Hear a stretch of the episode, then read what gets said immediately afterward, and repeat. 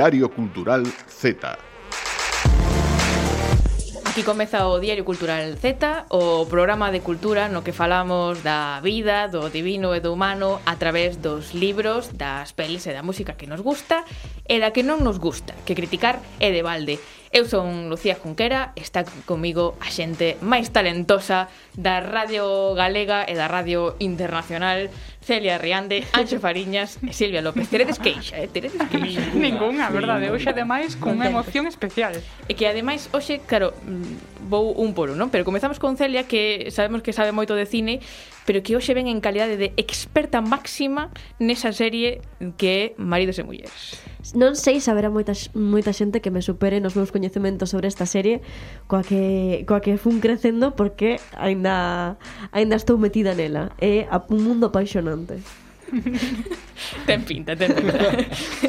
eh, Anxo, segue destrozando carreiras mm, eh, esta semana dun dos músicos eh, máis talentosos da, da, da, da, da cultura musical recente en Galicia non sei que máis decir sobre este músico de, de mundo prestigio que é Fera Real.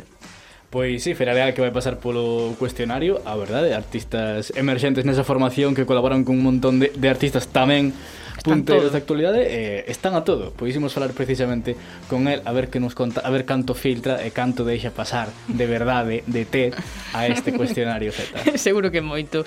Eh, imos agora con Silvia Vou Vexo na túa cara certa desesperación presentando refrán sempre. Eu, de cara a refrán de Silvia, sei decir unha palabra. A de hoxe é? Eh? A de hoxe é ovellas. Vale, e a versión extendida vale. sería cando che dean a ovella, colla corda e vai por ela. É que un pouco sobre aproveitar oportunidades. Falaremos máis disto. vale, moi ben. Eh, a miña opinión de merda desta semana pode ser un pouco polémica porque vou falar de NFTs. Oh, sí. Uh, unha estafa sempre se fixo. unha estafa, claro, por suposto, hai que comentarla, hai que comentarla. Sobre todo están aí ah, uh, os, os youtubers facendo NFTs. Sí, sí, está Facando un NFT do, do Z. Estamos tardando. Deixados. vale, eh, rematamos o reparto deste diario cultural cos os colaboradores. Esta semana, Brai Romero e Sara Donos. Comezamos. Comezamos.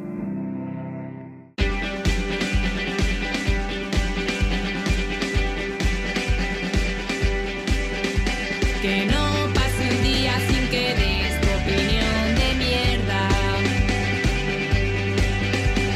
España necesita conocer tu opinión de mierda.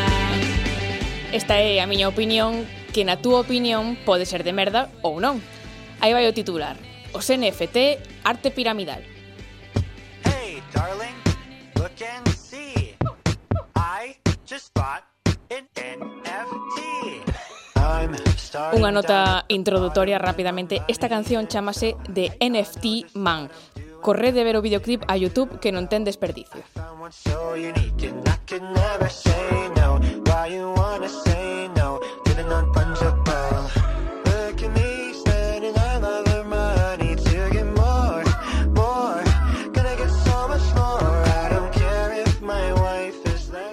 Se si, ne pa un pip, perdoado o meu francés, isto non é unha pipa. Iso escribiu o pintor René Magritte no seu cadro máis famoso, ese no que aparecía unha pipa. Entón, era ou non era unha pipa? Magritte, por favor, non xogues coas nosas cabezas que aí vese claramente a pipa. Miras e miras o cadro durante 5, 10 minutos e logo caes da burra. Efectivamente, non é unha pipa, é unha representación dunha pipa. Tipo listo René. Unha cousa é o obxecto físico e outra ben distinta é a súa representación. No caso da pipa de Magritte era unha representación realista, pero podería estar transformada polo cubismo ou o surrealismo e seguiría a ser unha representación dunha pipa. Xa deixo de pronunciar a palabra pipa, pero que resulta que este cadro de 1929 é perfecto para exemplificar hoxe en día o que son os NFT. Xa non sería nin unha pipa nin a súa representación, senón a representación da representación dunha pipa. Imos ao caso. Os NFT son sobre o papel un non-fungible token, é dicir, activos digitais como poden ser as criptomoedas, pero que non se poden copiar. As moedas son intercambiables, pero os NFT son únicos, irrepetibles, indivisibles, indestructibles, inmortais, parecen superheróis de Marvel. O chiste de posuir un NFT é precisamente iso, posuílo, dispoñer de algo único e ter ademais a seguridade de que é teu, e despois poder revendelo e obter beneficios. Todo isto empregando criptomoedas. En TikTok atopamos a mellor definición do que son os NFTs. Pretty lady, can you explain Podes explicar os NFT? Podo. Debe ser un home, non? Right. E dis, hmm, Non estou satisfeito tendo o camiño máis sinxelo da historia da humanidade. Penso que tamén quero posuir algo que non existe. E despois, daslle a outra persoa que non ten que ser un home, pero probablemente o sexa, centos de dólares. E dinche, isto pertenceche. E ti dis, seguro? El, sí, sí, sí, toma un posit que di que che pertence en este TikTok, a verdade que define moi ben o tipo de creador e consumidor de NFT, un home. Semella haber unha certa urxencia masculina nese acto de posesión e se vemos os datos, todo nos leva a iso. En España temos unha clara referencia no youtuber e gamer Willy Rex, un dos principais defensores dos NFT no noso país. El ten o que chamou golems, Unhas criaturas, por que non dicilo, feas, que ninguén nin el mesmo sabe explicar ben para que valen. Comezou xustificándose en que era outra maneira de crear e acceder á arte, a creacións de artistas independentes, pero acabou dicindo que prefire unha cousa fea, como os seus golems, que lle dé acceso a un desconto en Amazon e que é unha obra de arte en sí mesma. Cito textualmente, un NFT non é unha imaxe. Facer imaxes bonitas é fácil, Un NFT é unha chave para acceder a algo. Crear ese algo é o difícil. Xo sabedes, artistas, abandoade toda a esperanza, que o NFT é o futuro. Porque aquí temos outro dos seus usos e o que se sospeita que interesa en realidade a estes supostos promotores artísticos, acceder a vantaxes comerciais e obter beneficios. O que sería unha suscripción ou membresía máis tradicional. E en realidade non hai ningún problema con iso. Grupos mediáticos como Associated Press ou museos como o British dispoñen dos seus propios NFTs como complementos aos seus servizos. O que xa é máis problemático é que queiran vendelo como unha oportunidade única para os artistas. Pero volvendo ao caso de Associated Press, un dos fotógrafos máis recoñecidos desta axencia de prensa é Emilio Morenati, recentemente galardoado co Premio Pulitzer polas súas imaxes da pandemia en España entendemos que é unha persoa mm, máis reputada que Willy Rex, sen faltar eh, o traballo dos creadores de contido en rede. Que os levantón a vender imaxes de, de Morenati como NFT? O seu propósito principal sería financiar futuros traballos jornalísticos da axencia. Queda por saber da acollida que terá este movimento comercial. Hai escepticismo aínda alrededor de todo relacionado cos NFT.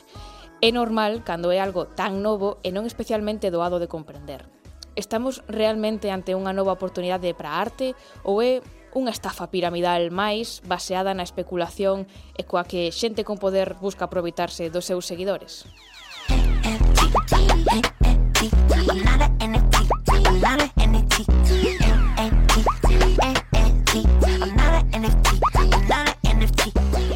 Só unha cousa máis. Investigando para este comentario, busquei en Spotify cancións chamadas NFT, super original, e apareceronme cousas como esta. Unha razón máis para sospeitar dos beneficios que isto pode traer ao mundo. 100% non o recomendaría. E, por suposto, todo homes.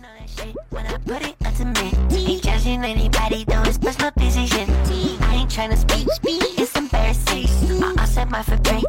I lost this that proof was that cool. Come. I'm not an NFT, I'm not an NFT. You can't own me with your digital currency. Not an NFT, not an NFT. Diario Cultural Z. Tu vida existencial. Eh, como facer que ver pelis e series no sofá sexa un traballo.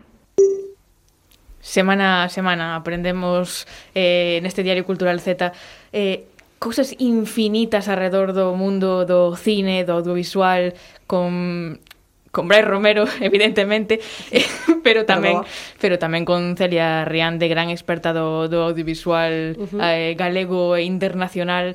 Eh, pero se digo estas palabras é porque hoxe aínda máis temos aquí con nós, entre nós, para disfrutar dela a mellor experta que hai no mundo. Atención á presentación, eh. Nunha serie en concreto. te quites méritos. Temos a maior experta do mundo na serie de Maridos e Mulleres. Maridos e Mulleres. como Riandi. Grazas, grazas, Aplausos. grazas. Como dicilo, é a mellor serie creada por un ser humano. Em, serie, por certo, mm, Televisión de Galicia. Por suposto. Home, home non desta, desta serie, ademais, que saíron... se pode ver na crtvega.gal a carta. A carta, a carta podedes buscar, están todos os capítulos. Eu é o que fago, de feito, eh, entendo, é de fai bastantes anos, eh, quero decir.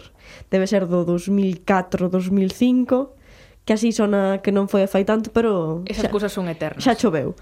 Envelleceu xenial. Que tiñamos sete anos. É unha xoia. É que a serie... Uf, se botas mi contas... madriña, sí. E ademais a serie gravouse na, na contorna de Santiago, Eh, Queres dicir a dirección? Non, non quero dicir Porque sei que che gusta... Sí. Gústame moito que concretamente nunha urbanización a que eu lle teño moito precio Eh, por que será? Pero que na serie lle cambian o nome tal, eh, pero que está é moi gracioso porque como dicilo, ten ten ten moita cultura popular, sabes como como aquí no hai quen viva que recollía moi ben a cultura de Sí de España. Pois esta recolle pero a da contorna de Santiago naquel a momento. cultura de España. É moi graciosa porque, por exemplo, As personaxes son boísimas. Vai por orden, contanos de, de, que, de que vai, vale, para entender, bo, pa entenderte un pouco. Bo, isto tamén é curioso, porque a serie comeza cun rollo misterioso, desaparición. Hai unha desaparición, a serie estructura como en varias familias, e cada unha ten pois como a súa trama, as súas personaxes e as dinámicas que adquiren entre eles pois son son o que van levando a trama da serie, non? Pero eh, a serie comeza realmente cunha desaparición, que a de Tomás. Cando desaparece Tomás, pois aquí é cando xa empeza a trama e ademais das tramas que poden ter máis emocionais nas familias, hai como un misterio que vai movendo todo o que é o transcurso da serie. Que pasa? Que a min o que máis me interesa son as personaxes, que, que é o que me adoita pasar. Son boísimas. É que son boísimas, porque hai uf, hai unha, unha muller de negocios que, que Mónica, que por certo está casada co actor. Eh, por certo, o concepto de muller de negocios xame Abraia. Woman. Business sí. Woman. Sí, sí, sí, sí, sí, sí. sí. Que basicamente a súa personalidade é estar falando todo o día con, por teléfono porque traballa para un Eroski, que isto tamén é moita cultura. Creo que é un Eroski ou é campo, da igual, é igual. Ves como é unha cultura, é unha serie sí, chea de eh, referencias moi graciosas. Claro, claro. Entón, está todo o día ocupada e o seu marido é eh, Pedro Pablo Alonso. Pedro Pablo Alonso creo que é o Uy. xornalista de deportes da Radio Galega. Perdón. Perdón. Igual sen o Pablo. Pedro Alonso. Pedro Alonso. é que, claro, estou na Radio Galega. Quen sabe se o segundo nome non será Pablo? Bueno, sí, non sabemos. Aquí pues, temos a grandes profesionais. Pedro Alonso. Eh, foi o seu, o seu comezo na televisión Tamén o de Martiño Rivas É que moitas estrelas saíron desta seriaza Por algo será Por algo será Ben, seguimos como digo máis, eh, nesta serie, a Businesswoman, que é a miña personaxe favorita, que está casada precisamente con Pedro Alonso, Pois, por exemplo, cada vez que teñen que ir ao centro ou de compras e tal, van ao área central, que para os que non sexan de Santiago, pois dirán que é iso, pois é un centro comercial que no seu momento debiu ser. Claro, eu xa non existía nese momento, eh. Que Deli... dis? Quero decir, eu non vivín a apoteose do área central nunca. Por favor. Tes un ano menos que a mí. vale, pero xa, o sea, existía e íamos, pero non era unha cousa como venden nesa serie, por Pero menos. vamos a ver, que ali é un día se querías ir ao cine e ás área central. Ias a todo. Que me liades. Eu non son de Santiago e coñezo um, o fenómeno área central como se o vivise. Vale. Tes a proba en, en Silvia, pero nos viñamos facer eh, vida social área central. Non me contedes a vosa vida. É que estás dominando a excursión que, a Santiago para vamos en área central. É ¿eh? que estás dicindo que xa non viviches ese momento como se foses aquí... Reconduce, Celia. Reconduzo. Eh, temos un elemento moi fantasioso que é un cura un cura sexy. Isto é isto é algo que que adoita basta, pasar bastante nesta nas series en, en xeral da televisión de Galicia. Neste caso, neste caso é un cura moi sexy. É que é que engadímoslle o moi sexy. É que vai engadindo o misterio porque non se sabe moi ben se é cura de verdade ou non. Eh, temos máis elementos fantasiosos. Temos eh Silvia non pode pechar os ollos. drama. temos drama adolescente. Que non adolescente porque xa é case na universidade, pero temos drama adolescente. Aí está Martiño Rivas, elemento sexy, temos un it boy, como como Mario Casas, é o noso Mario Casas. Eh, temos dinámicas entre os pais, os fillos, como un pouco un pouco rollo serrano, pero máis daqui, máis gracioso. Eh, bueno, ademais a ambientación, como digo, é graciosísima. A serie non, quero decir, debe ter dúas ou tres tempadas, pero dai pa bombo, eh, porque cada capítulo é unha hora ou algo así. Entón, eu aínda non a rematei. O sea, estou máis ou menos na metade. Fíxate como é o, o conto que eu desde que coñezo a Celia. Sí. A ver, que tampouco nos coñecemos de hai tanto Pero lévame falando da serie esta E eu pensando que, que era en plan que a vira Como 20 veces na súa vida, pero non, aínda non a rematou do intensamente que está vivindo a súa visualización. Hai unha actriz en concreto a, a, que, mira, encantaríame coñecela porque fala en arxentino, pero arxentino en galego, E non sei se ela é argentina, pero, pero é moi interesante porque non sei se realmente, porque forma parte da súa personaxe tamén, pero non sei se fai o, o acento e ademais en galego, pero fai non xenial. É que son super fan desta serie. No, xa xa estou notando. E ademais é que comeza con unha desaparición, pero que logo, tamén isto é moi gracioso, a desaparición mm, pasa a ser o último na trama e quizáis iso sexa o máis gracioso porque en realidade ti imagínate desaparecer é que aos dous días a ninguén lle importe porque logo, porque logo, logo a partir dai pois sí que eh, van desenvolvendo o que son a, unha comedia de, de enredos. Entón pois, bueno, ten momentos moi graciosos pero que máis me gusta e ademais ten un elemento que é moi fantasioso que agora non se leva tanto, que é un narrador. É a figura uh. do narrador. Omnisciente a tamén gustame moito nas series. Porque Mónica saiu da casa pola mañá pensando que non sei que. Eso é un elemento que a min creo que deberíamos recuperar. Eh, creo que as series están perdendo moitos matices con, coa perda do, do narrador omnisciente e eh, aquí abogo po, pola súa volta. A ver, depende, eh?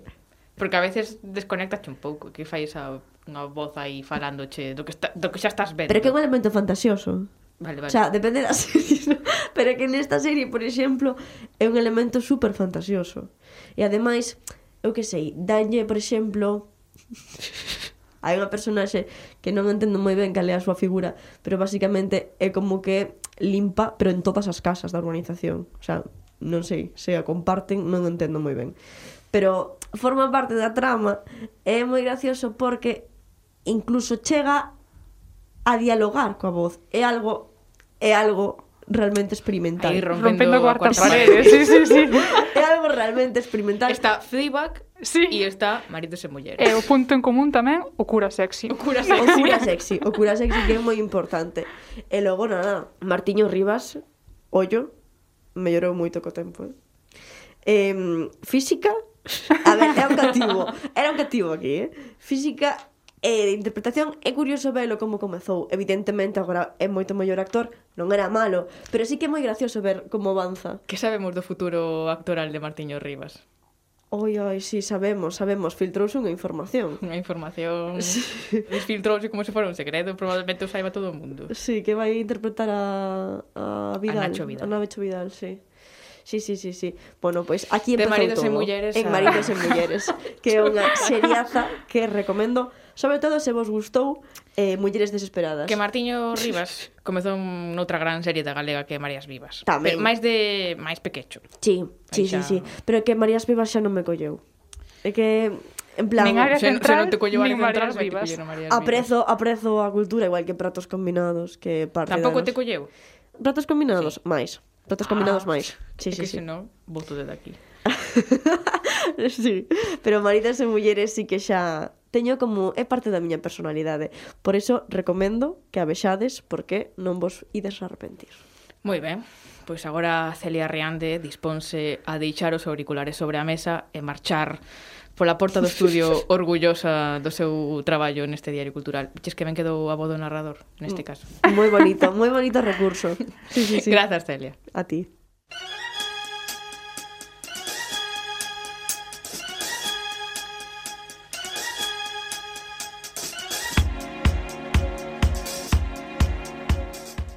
o talento nas novas xeracións do audiovisual galego semella infinito porque cada día Brai Romero nos trae nove, novos nomes que, que descubrir como é o caso desta semana. Brai Romero, que tal? Pois aquí, a verdade é que Eh, é che que certo, hai moitísimo talento, eh? para mí é unha sorte porque pareceme bastante bonito, vou confesar, vir aquí eh, desde esta palestra a falar de xente que está a facer cousas super interesantes e que aínda encima, aínda que xa sabes que isto me custa un pouco, son super novos, o sea, que a cantidad de talento que hai novo é unha verdadeira locura. Pois sí. E o caso de hoxe, a ver, que eu sempre digo o mismo, eh? si eles e elas non fixeran as cousas, eu aquí non teria de que falar, porque eu non son interesante. Pero bueno, hoxe temos aquí a Ángel e Bueno, tes, pre tes presenta, sorte. presenta de Ángel. Te sorte de que a xente fai un montón de, de cousas e o caso de Ángel, de Ángel Filgueira, non é menos. Eh, estudou comunicación audiovisual na Ubigo e o máster en investigación en prácticas artísticas e visuales na Universidade de, de Castilla-La Mancha eh, comeza a súa carreira fílmica coas curtametraxes Fin e El Cuadrado En 2017 empeza a escribir un guión da longa metraxe Cando toco un animal. Dende o 2018 traballa coa produtora Sétima para materializar a súa ópera prima na ficción que, mm, Brais, se non me equivoco, xa está incluso montada, non? Sí, non sei por que últimamente como que collen o gusto de quitar a xente da mesa do montaxe para traer aquí ao Z, eh? e cando toco Cando toco un animal, que era do que falabas, é efectivamente a primeira ficción de, de Ángel. É un filme que eu tiven a sorte de ver unha, unha primeira montaxe e foi eh, o sea, unha verdadeira fermosura ver esa mm. película. Unha película sensible que sabe retratar con moitísimo agarimo e realismo as dinámicas das reaccións eh, amorosas eh, no triángulo emocional que se forma entre as protagonistas. Unha película, ademais, moi xeracional, pero, eh, bueno, vou deixar de falar eu da propia película, que creo que está por aquí Ángel para falar el, non? Sí, hola, hola. Hola, Ángel. Bueno, falades vos mai, mellor que, que eu da peli. No, eso, iso, esto xa... iso nunca pode ser. Mellor, mellor que nos contesti de, de, de cando toco un animal. Eh, algo xa adiantou Brais, non? Pero contanos, Ángel, cale a historia da, da película? Bueno, máis que a historia, a historia xa contou Brais, pero máis o que busco con esta peli é como ese mundo de, de sensacións e de, de buscar como, como crear vínculos de sensacións dentro da ficción, pero xogando aí como como un pouco nunha investigación artística en que pode xurdir aí diante da cámara. Mm. Entón, eh, dándolle dándolle moito peso ao mundo das sensacións máis que á propia historia.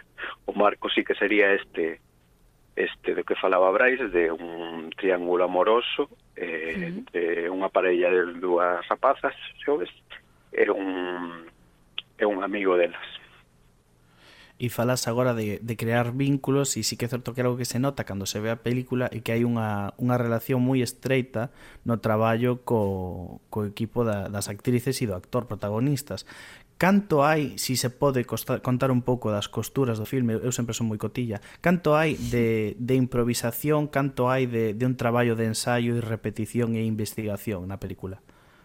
Claro, é que um, algo que, que es estivo aí dende o principio era que máis máis que un traballo de guión e de acción eh, digamos da trama íbamos a buscar eh, construir esa relación e en, en situacións concretas e ver cara onde derivaban esas situacións. Entón, sí que hai como uns marcos concretos na construción dos personaxes que tamén construín con, con eles, en realidad, e logo sí que hai eh, cousas bastante abertas que se foron materializando nos ensaios, claro, non non era todo aberto na propia rodaxe. Si é verdad que a cámara, o sea, o a rodaxe sí que era bastante aberta ao que podía xurdir dentro de, dentro desas secuencias. Entón xogamos yeah. un pouco con eso, con, co establecido e con unha certa apertura en en secuencias como máis intensas non se sabía exactamente como cara onde iba a derivar e, de, e bueno, creo que eso conseguimos algo de eso conseguimos algo de eso nas imaxes que era o que buscábamos entón moi contento con eso verdad? Mm e é algo moi bonito, Lucía, cando vexas a película que ah, é a verdadeiramente notase que é un traballo moi eh, non realista, sino un traballo moi honesto, como moi feito eh, uh -huh. dende o corazón e este este traballo que di eh, Ángel de investigación é moi bonito velo na película. Pero bueno, ao final unha película que empezaches en 2017, estamos montando en 2022. Non critiques, Brais. Como? No, bueno, non vou, que vou criticar eu se si non me atrevo a facer unha peli. Eu eu eh, valoro moitísimo e, e, e tampouco quero, eh? prefiro, prefiro criticar do resto. Pero digo, cinco anos de traballo entre o inicio e a finalización, digamos, como viviches todo ese tempo? Tes agora esa sensación como de ver os fillos medrar e que xa se están independizando? Crees que a película como xa non está nas túas mans? A ver, 2017 foi como un o xermen, digamos, de, de empezar os temas que quería tratar Y claro, o sea que parece super lonxano ahora mismo, eh, sí que están nas miñas mans, pero o sea, é como un traballo moi colectivo de cos actores, coa cámara, eh, realmente sí que me gusta moito escoitar eh, e traballar escoitando os demais e que eles aporten, o sea, que é algo que, que creo que o cine ten moito deso, que que aínda que intentes facer como unha liña moi concreta, sempre hai tantas personas no medio, o proceso é tan longo que vai crecendo e a min gustame precisamente eso. Entón, pois, pues, moi contento, verdad? E neste está falando de, de, de, falando destas colaboracións eh, e estas eh, novas voces, digamos, non? Este traballo colaborativo en equipo, eh, traballaches co produtora Sétima, que sí. creo que é eh, a súa primeira peza en solitario. Como foi a experiencia con, con Sétima? Bueno, o sea, eh, con Sétima é que mm, Silvia e Anxo son moi próximas a min, entón eh, realmente non sei como tería sido traballar con outra productora porque entenderon realmente o que quería contar e for, acompañaronme dende, dende eses inicios e, e realmente o levantamos levantamos o proxecto xuntos e da man, entón é como bonito e ademais con levantar o proxecto un, con amizades, pois tamén é super guai, verdad. Uh -huh. eh, xa para rematar, a pregunta que é un pouco incómoda, non tampouco quero ofender cos, cos prazos, que sei cada un toma o seu tempo, pero temos así data para saber onde podemos ver e cando esta peli, Ángel. Bueno, estamos eh, eh, pechando montaxe e arran eh, para arrancar a postproducción, pero de festivais, claro, non, non, non o sabemos este ano, pero mm. pero dependerá moito do, do camiño de distribución que ainda está por construir. Entón, pero bueno, digamos que estará rematada para si puidese haber oportunidade de vela este ano, digamos, non? Sí, sí, sí. Vale, vale. Sobre todo se te deixamos nos agora tempo para remantar de, de montala e non che, non che entretemos máis co, cos nosos, co nosos rollos. Eh. Pero, Ángel Filgueira, moitísimas grazas por, por pasar polo Diario Cultural gracias, a contarnos a, as túas historias. E, e Brais, moitísimas grazas tamén a ti por traernos tanto talento. Nada, gracias a ti, Ángel, por, por deixarme estar aquí un ratiño con vos. gracias a vos e a ver cando podemos ver a peli. sen presa, sen presa. Diario Cultural Z. Se puiderades preguntarlle calquera cousa a un famoso, que preguntaríades? Ola, Anxo Fariñas, encantada de que veñas aquí destrozar a carreira de alguén máis unha semana máis. Ainda non destrocei ningunha carreira. Pero estás a tempo, tes ahora 10 minutos por diante para destrozar unha carreira que probablemente eh, tería sido eh, super fructífera de non ser por este programa. A ver, non está mal ese, ese punto, non? De que se alguén despois disto lle vai mal, pode botarme a culpa a min. É un conforto. non sei se o vai ver así fuera real de Mundo Prestigio que o noso convidado de hoxe. Moi boas. Boas, Anxo, que tal? Xa verás que este é un cuestionario así especialiño. Eh... Eu preparo a xente. Sí. Simplemente. Non tanto como non tanto como suxire Lucía, pero pero vaya. De todas formas, a pregunta primeira coa que comezamos nunca é miña sempre a da anterior entrevistada porque así as culpas tamén se diversifican, que é moi importante e iso ensínalo todos os economistas e empresarios. claro, por o experto.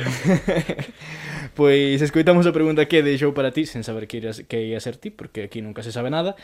Alba Mancebo. De consello a desfrutar e a contar a verdade. Grazas, porque houbo quen dixo que ocultasen Mentir. cousas. No, no, no, contar a verdade, senón non ten chicha isto. E de pregunta, cal é o país con máis ganas de visitar desa persoa e cal é o país que non querería visitar eh, baixo ningún concepto? Porque hai moita xente que ten vetado os países, cousa que me parece fatal. Eh, Pues mira, ahora me gustaría me ir a Canadá. Non teño tampouco Vaya. moitos motivos, pero é como hai un, non sei, pois como un impulso, algo que, que me interesa bastante e é o próximo destino seguramente. Están os antivacinas todo... en Canadá a tope, eh? Oh. Ai, pero non sabía, vese que non, non coñezo moito de Canadá, ou igual tamén Aí iso ías a coñecer, eh? claro, claro, por eso. Sí, sí, é que, a ver, estou tamén como moita xente obsesionado con, con Xapón, pero xa estive un par de veces e eh, igual toca pasar página e eh, ir vendo outros destinos. Non é para tanto. Está sobrado, xa foi un par de veces. e tes algún país vetado? algún país vetado. Eh, a ver, é que son moi cagado, eh, cos países así que hai moita fama de que, de que son peligrosos e tal. Eh, eu que sei, por exemplo, México, eh, ten que ser increíble. Eh, sí. Se fora, seguro que pasaría xeneral e tal. Pero mm, as anetas da xente, no, está moi ben, simplemente, pois non collas este taxi, pero do resto guai. E, bueno, sim, eh, simplemente non vayas a tal sitio porque te poden... Eh, simplemente non fagas isto, pero está moi ben, eh, está moi ben. Entón, sí. como... Uf, creo que son demasiadas pautas como para como para ir tranquilo a un sitio, pero pero bueno, sen ánimo de de ofender a ninguén, que seguro que é un país maravilloso. Ese medo un pouco inducido que, que temos moita xente tamén. A ver, hai xustificación. de todos xeitos, si que navallazos aparte todo destino ten o seu o, as súas oportunidades. Sí, por suposto. Imos comezar entón coas preguntas propias do, do cuestionario As que invento eu E o primeiro eh, sempre a facemos para que os nosos convidados se presenten a si sí mesmos en sociedade Que é, mm, Fer, cal é o teu trazo máis sexy? O meu trazo máis sexy? O sea, pero físicamente? Física ou, ou de personalidade, o que ti prefiras O de personalidade, hostia, buah, que... Claro, non sei, eh eh... Non sexas modesto, home. eh, non sei, igual eh, a nariz, pode ser a, a nariz. Hai moita curioso, xente... Curioso, o, o, curioso, sí, sí. Últimamente topeime así con, con xente que está falando moito do, do atractivo da, das narices e tal. Eh, e, bueno, teño así unha nariz un pouco irregular, considero eu. Eh? Eh, eu que sei, non sei, que por decir algo tamén, eh. Gústame iso de que os narices irregulares teñan certo atractivo, porque tamén tamén o podo mercar eu, e claro, pareceme claro. genial. É que o rollo é ese, no, esa, es, eh, peña que non te di, guau, mira que nariz tan perfecta ten esta persona, eh. máis eh, o rollo de, guau, mira que nariz máis grande, ou que torcida, tal, que, non hmm. sei, hai algo aí, eh. interesante. mm, Contanos ti como, como artista cales son os tres imprescindibles no, no starter kit dun artista, dun músico galego? Os tres imprescindibles? Pff, eh, vamos a ver, a Estrella Galicia igual, a cerveza. eh, o Liceo Mutantes, probablemente o espazo cultural que, que hai en Pontevedra, onde hai xa dez anos, onde se, bueno, se van a cabo concertos, é unha asociación que leva tirando da cultura aquí en Galicia pois moitos anos, e que fai un proxecto moi interesante, que xusto agora non está pasando por un bon momento, porque teñen unha orde de cese por parte do, do Concello, e que, bueno, pues, nunca hai mala oportunidade para reivindicalo mm. como un espacio super necesario máis para pa xente que facemos música que nos interesa isto en Galicia. E unha terceira, eh, imprescindibles, eh, pois non sei, o... Bof, Joder, que mira que, que típico son, o sea, un, un sitio onde quedar con xente, alcohol, eh, eh, non sei. Eh, Pouco máis. A ver, eh, o Xabarín, probablemente, non? O sea, sí, sí. o sea, dun, dun xeito ou outro igual eh, a pegada de, dese programa vai quedar aí para sempre, por lo menos para pa a xeración que temos máis de 25 anos. Totalmente de acordo. Evidentemente. Eh, xa que estamos falando do, do teu oficio na música, Eh. Contanos tamén, ademais destes tres puntos vitais que, que, que sosteñen a tua trayectoria, eh, que, que é o que menos che gusta, que é o que máis detestas do mundo da, da música? Do mundo da música? Bueno, que um, al final é unha etiqueta o, o, o, bueno, o sea que non, non, non eso son no mundo da música eh, fagas o que fagas estás como vinculado a iso e a túa carta de presentación vai onde vayas plan, eu son tal de tal, o sea, sempre como un, un, o apelido que levas, non? Son Fer de Mundo Prestigio, son non sei que, de que, eh, non sei, como que crea a veces unha especie de burbulla na xente que un pouco non sei, parece un pouco como que, que te aísla un pouco da, non sei, non, non sei explicarlo ben. Sí, sí, sí, como ese, que custa sair de aí despois. O sea, é máis fácil identificarlo nos rollos todos das grandes cidades de Madrid ou de Barcelona, onde hai ese sentimento de pertenza a unha esfera cultural eh, e se non formas parte diso, pois como que tampouco eres ninguén para ao resto dos mortais. E hai esa presión ou esa intención constante de, de estar con certa xente e deixar de estar con outra, non sei, eso é algo que, que me xera un pouco de rechazo.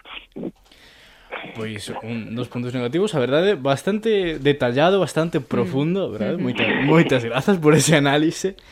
Eh, E xa falando de, de referencias, máis que de, de ambientes, tes algún antirreferente, un artista no que, no que non te queiras converter?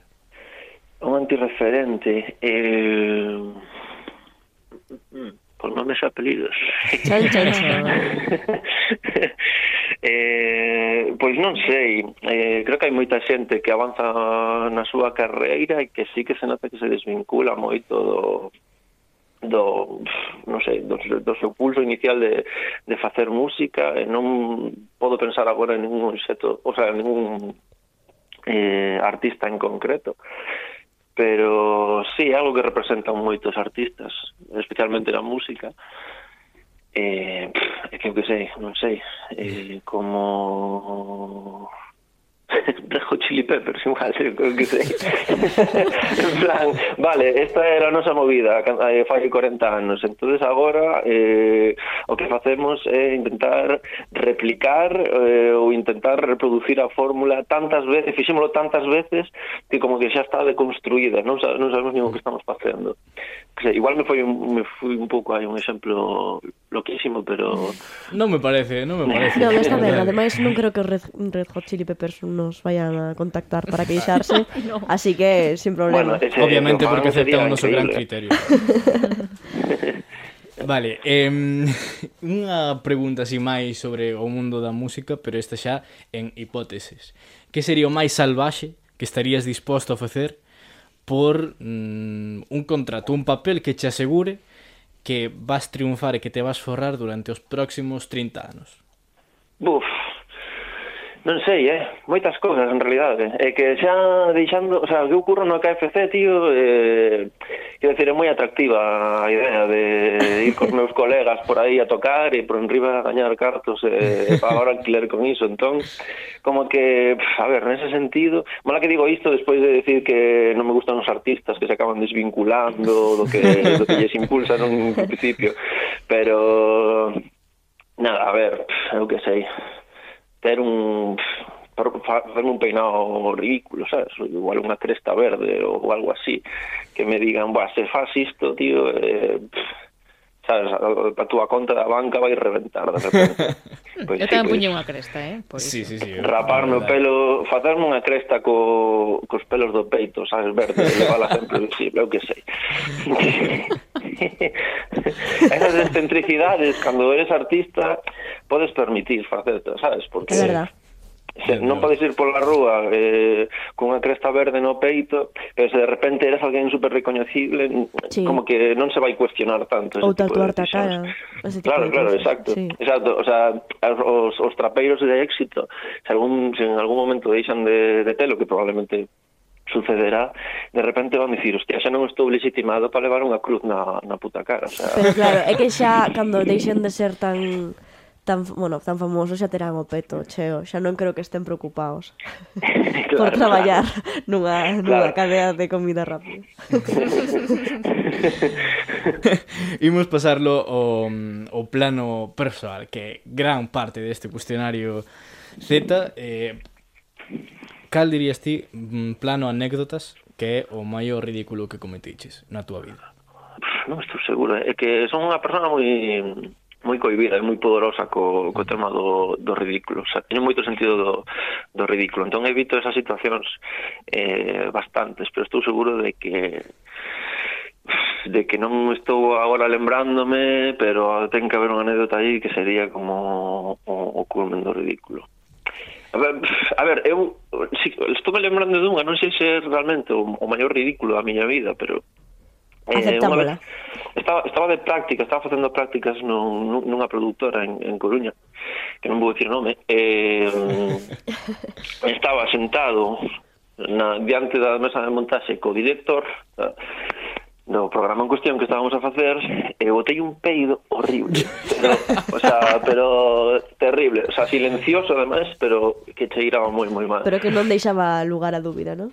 Eh, eh, solo estábamos, non los dos, na habitación. O sea, eh, foi ese silencio de, vale, Os dous, os dous sabemos o que acaba de pasar, o sea, esta persona está calada, pero sabe perfectamente o que acaba de pasar, e teño que aguantar os próximos minutos con entereza e eh, facéndonos o ton, o sea, Sí, o sea, foi a primeira que se me ocorreu, pero non está nada mal, a verdade, no, como ridículo. Eh, xa que nos poñemos con situacións embarazosas, que non queres que saiba nunca túa nai da túa vida? Miña nai, pff, claro, que igual se digo aquí, eh, dalle por escoitalo eh, eu non creo que saiba nunca non que sei eh,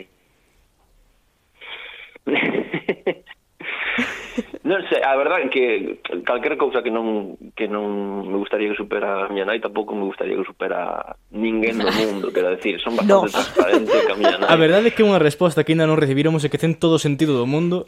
No, claro, pero pode decir algo da vida amorosa, e non concreto o que? sabes? Sí, podrías. non, pero nin, nin iso, nin iso. A verdad que eh, teño unha boa relación co, coa miña nai eh, se hai algunha cousa que non quero que, que sepa ela eh, probablemente porque tampouco quero que sepa ninguén E menos eh, anxo. Eh, e, men, sí. e menos anxo. Eh, sí, entendo pero, bueno, perfectamente. Non, non son unha persoa con moitos segredos, é a o sea, dentro do que cabe, pois, como, como todo o mundo, pero pff, eu que sei. Non son aquí tampouco, sabes, Batman, que teño unha vida oculta polas noites. Vale, pois con este afán de tampouco agochar moitos segredos, aínda que algún sempre haxa, mm, gustaríame que fixeras ti unha pregunta para o seguinte convidado que digas isto vai sacar o máximo, vai, vai dar moito té, moito que falar. eh, vale, que droga eh, te chama a atención probar? Curiosidade. Uh, es, despois, de, de, despois do seguinte eh, cuestionario que irá coa tua asignatura, vou roubar. Pe Dixete que ten gran fe, así que sí, sí, igual... Sí. Genial. pois moitísimas grazas, Fera Real, por estar connosco e por darnos tan, tan bo contido, de verdade. ¿eh? Sí, sí, agradecese. Grazas, Fer. Un placer. Gracias, Anxo, gracias, Lucía.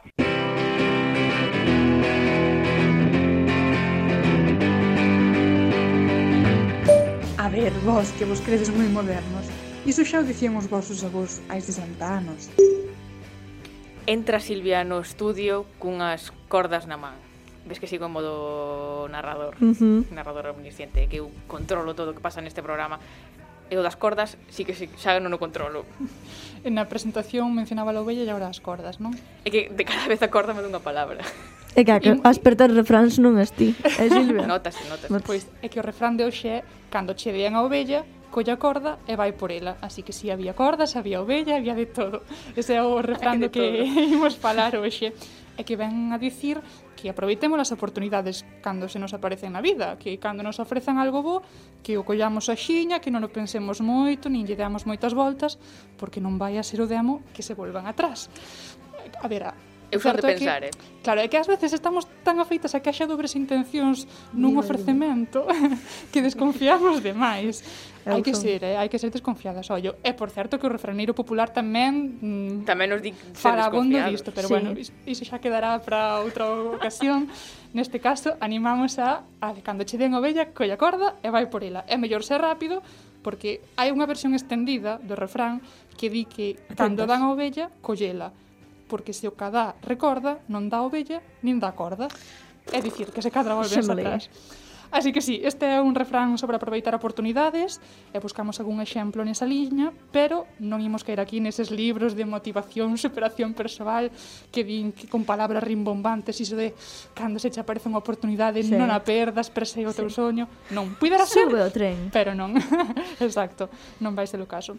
No canto diso vou vos falar da Viaxe das Anduriñas, que é un libro de Rosario Regueira, unha novela con base en Galicia, pero que tamén está ambientada en Suiza, en Colombia, porque aparte de falar de prostitución, de drogadición, de trata de mulleres, en fin, de moitos temas, fa, o fío condutor é, eh, pois, é a emigración.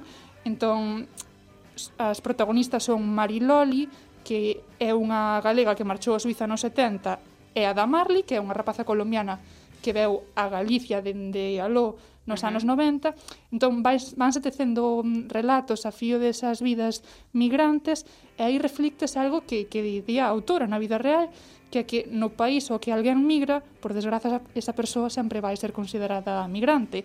Entón, as situacións ás que se enfronta, pois teñen certas particularidades e case que aferrarse a calquera oportunidade para progresar ou para sobrevivir é o que lles queda sen pensar moito máis alá.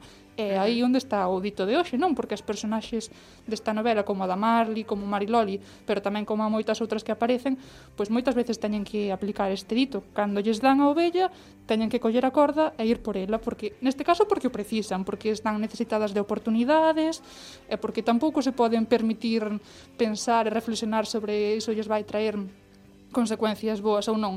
Simplemente cando alguén lles ofrece unha posibilidade, pois agárranse a ela. Claro, está en xogo a supervivencia, eso sea... Correcto. Sí, hai aí como un tinte de necesidade, non? Nese ir pola ovella, mm, aproveitar a oportunidade, pero tamén atopamos outros exemplos nos que, máis que oportunidade, hai oportunismo e de aproveitados, que non é o mesmo.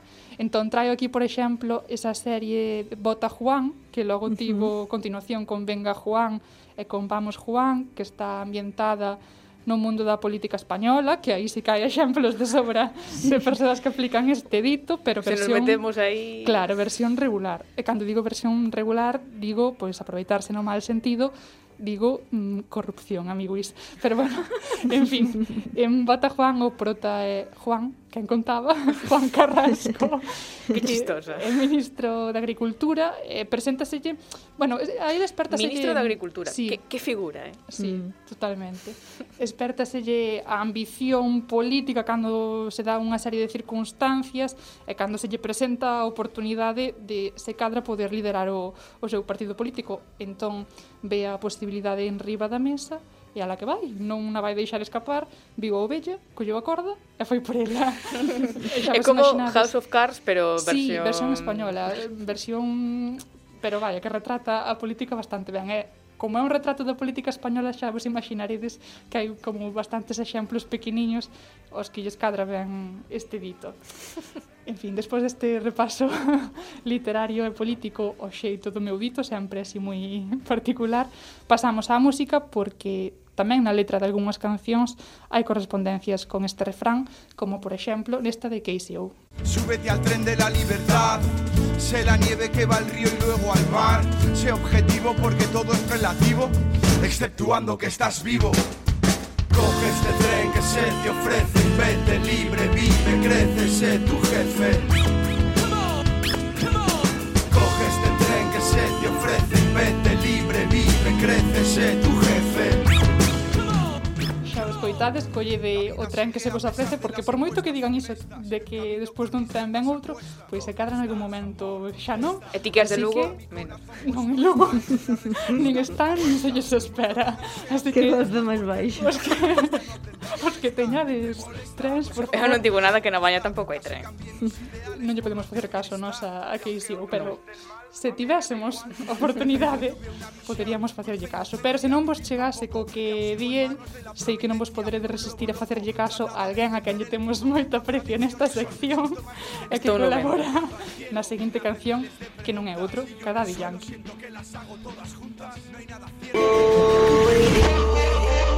Y aprovecha que aquí estoy Después de hoy quizá no se dará otro chance De pidan su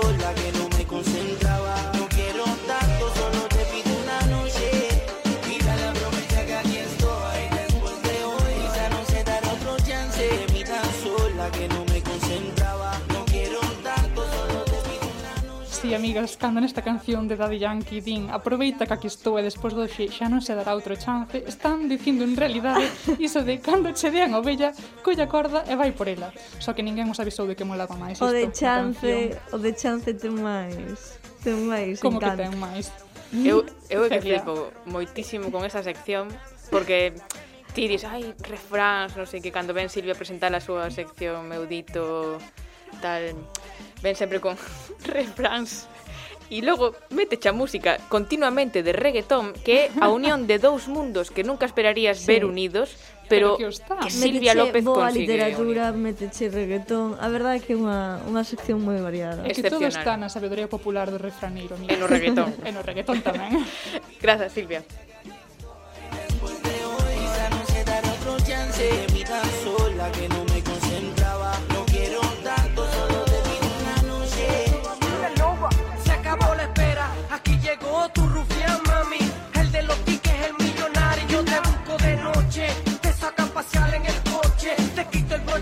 hagamos un derroche. Dale, aprovecha el chance, tú no te que te canse. Yo no voy a parar, mamita, ven, hagamos un romance. Soy lo que necesita y lo más que desea. Frontea de que andas conmigo pa' que te vean.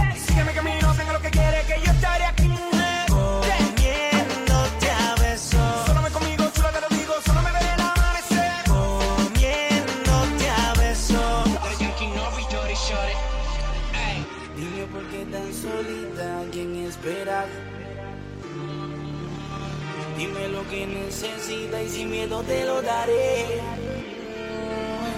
Dime por qué no te explica, calma mi ansiedad.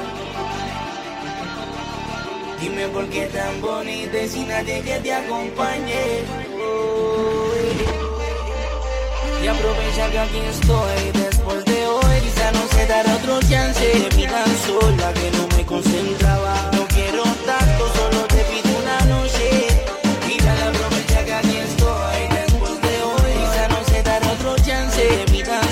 que no me concentraba No quiero tanto, solo te pido una noche Ya, ya. Daddy Yankee no, Yori Shori. Somos la autoridad con mucha calidad. Millones récord, el cartel récord. Músico loco, Jiménez, mucha calidad.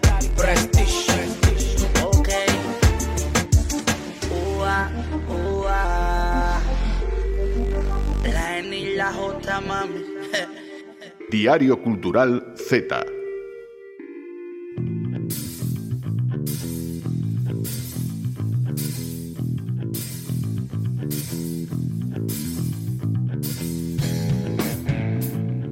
No Diario Cultural Z, cando oímos falar de arte, vennos directamente o nome de Sara Donoso. Que tal, Sara? Como estás? Hola, que tal? Moi ben.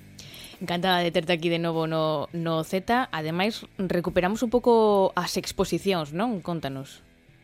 Si, sí, hai tempo que non lle adicon programas de exposición, senón será porque haxe poucas aquí en Galicia, mm. Así que neste caso imos coñecer a mostra Ausencias, Esencias, Presencias, diálogos a través dunha reflexión do corpo. A verdade é que así xa co título xa temos moitas ganas de saber máis.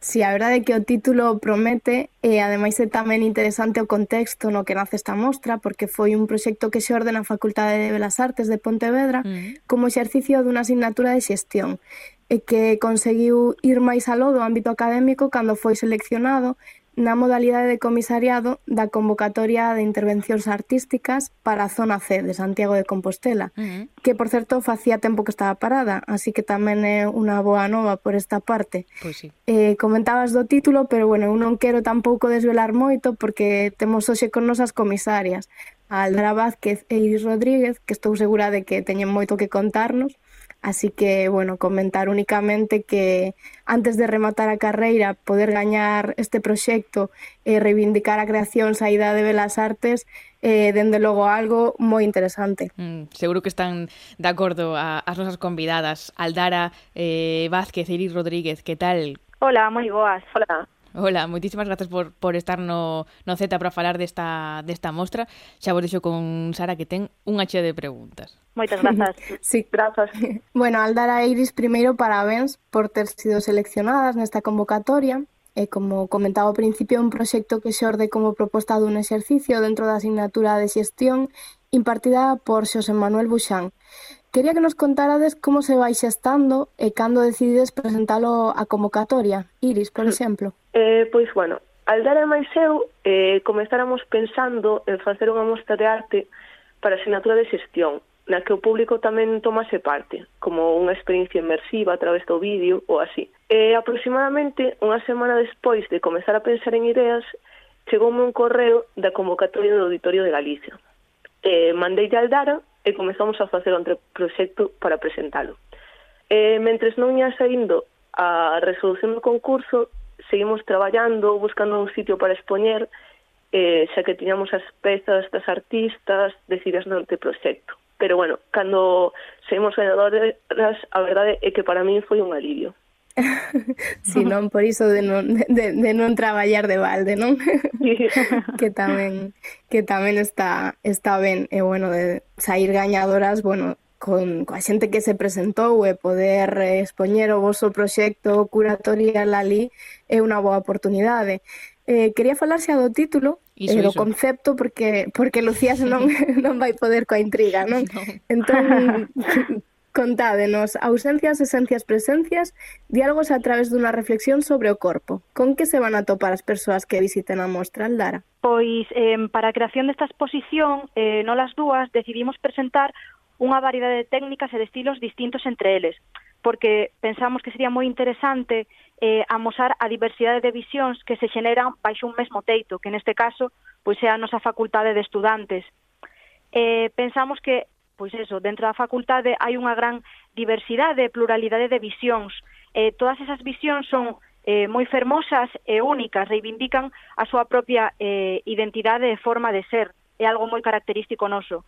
Por eso, na exposición, eh, os espectadores e espectadoras poderán ver fotografías, instalacións, videocreacións, serigrafías, etc. Tamén estamos preparando unha pequena sorpresa mm. que consistirá na intervención eh, das artistas como se relacionan co espacio expositivo. Deste xeito tamén os espectadores e espectadoras poderán interactuar con elas. Gustamos ah, sorpresa. Pois a, sí, total, a min tamén agardamos entón por esa sorpresa. Eh, seguindo coa idea do corpo, sempre que se pensa pois nos diferentes corpos e na forma en que nos relacionamos con eles, hai unha gran parte que tamén ten que ver coa, coa nosa propia experiencia. Uh -huh. Non sei se iso se ve reflexado na vosa mostra, se hai algo de autobiografía nas pezas presentadas. Pois sí, por suposto, hai, hai algo de autobiografía, non? Porque cada persoa entende o corpo de maneiras diferentes e únicas. Por iso a experiencia, aínda que o queiras ou non, sempre se contempla nas pezas creadas. Por exemplo, non é o mesmo entender o corpo baixo a mirada duns canos de beleza que baixo a propia experiencia persoal e emocional. Por iso nos nesta exposición reivindicamos e amosamos distintas formas de achegarse ao corpo, tanto ao propio como ao alleo, ao noso e ao dos outros, Esta expo pensamos que ten de distinto que o enfoque está posto nunha nova mocidade, eh, pois eso, formada por, por rapazas que están a reivindicar e a buscar novas formas de exposición. E dice máis eu pensamos que, bueno, pode ser moi atractivo isto para, para o público, porque pode atraer tanto a estudiantes como a xente quizáis con máis experiencia no campo artístico que lle poide interesar que está a xurdir na, vamos, nas novas mostras artísticas. Estas artistas participantes son Raquel Álvarez, Marina Aradas, Tamara Goberna, Andrea Mosquera e Lucía Perdiz, que son todo mulleres. Eh, como foi a selección de artistas? Eh, non sei se tendes algún motivo concreto para elixir todo perfis perfil Iris. Siris.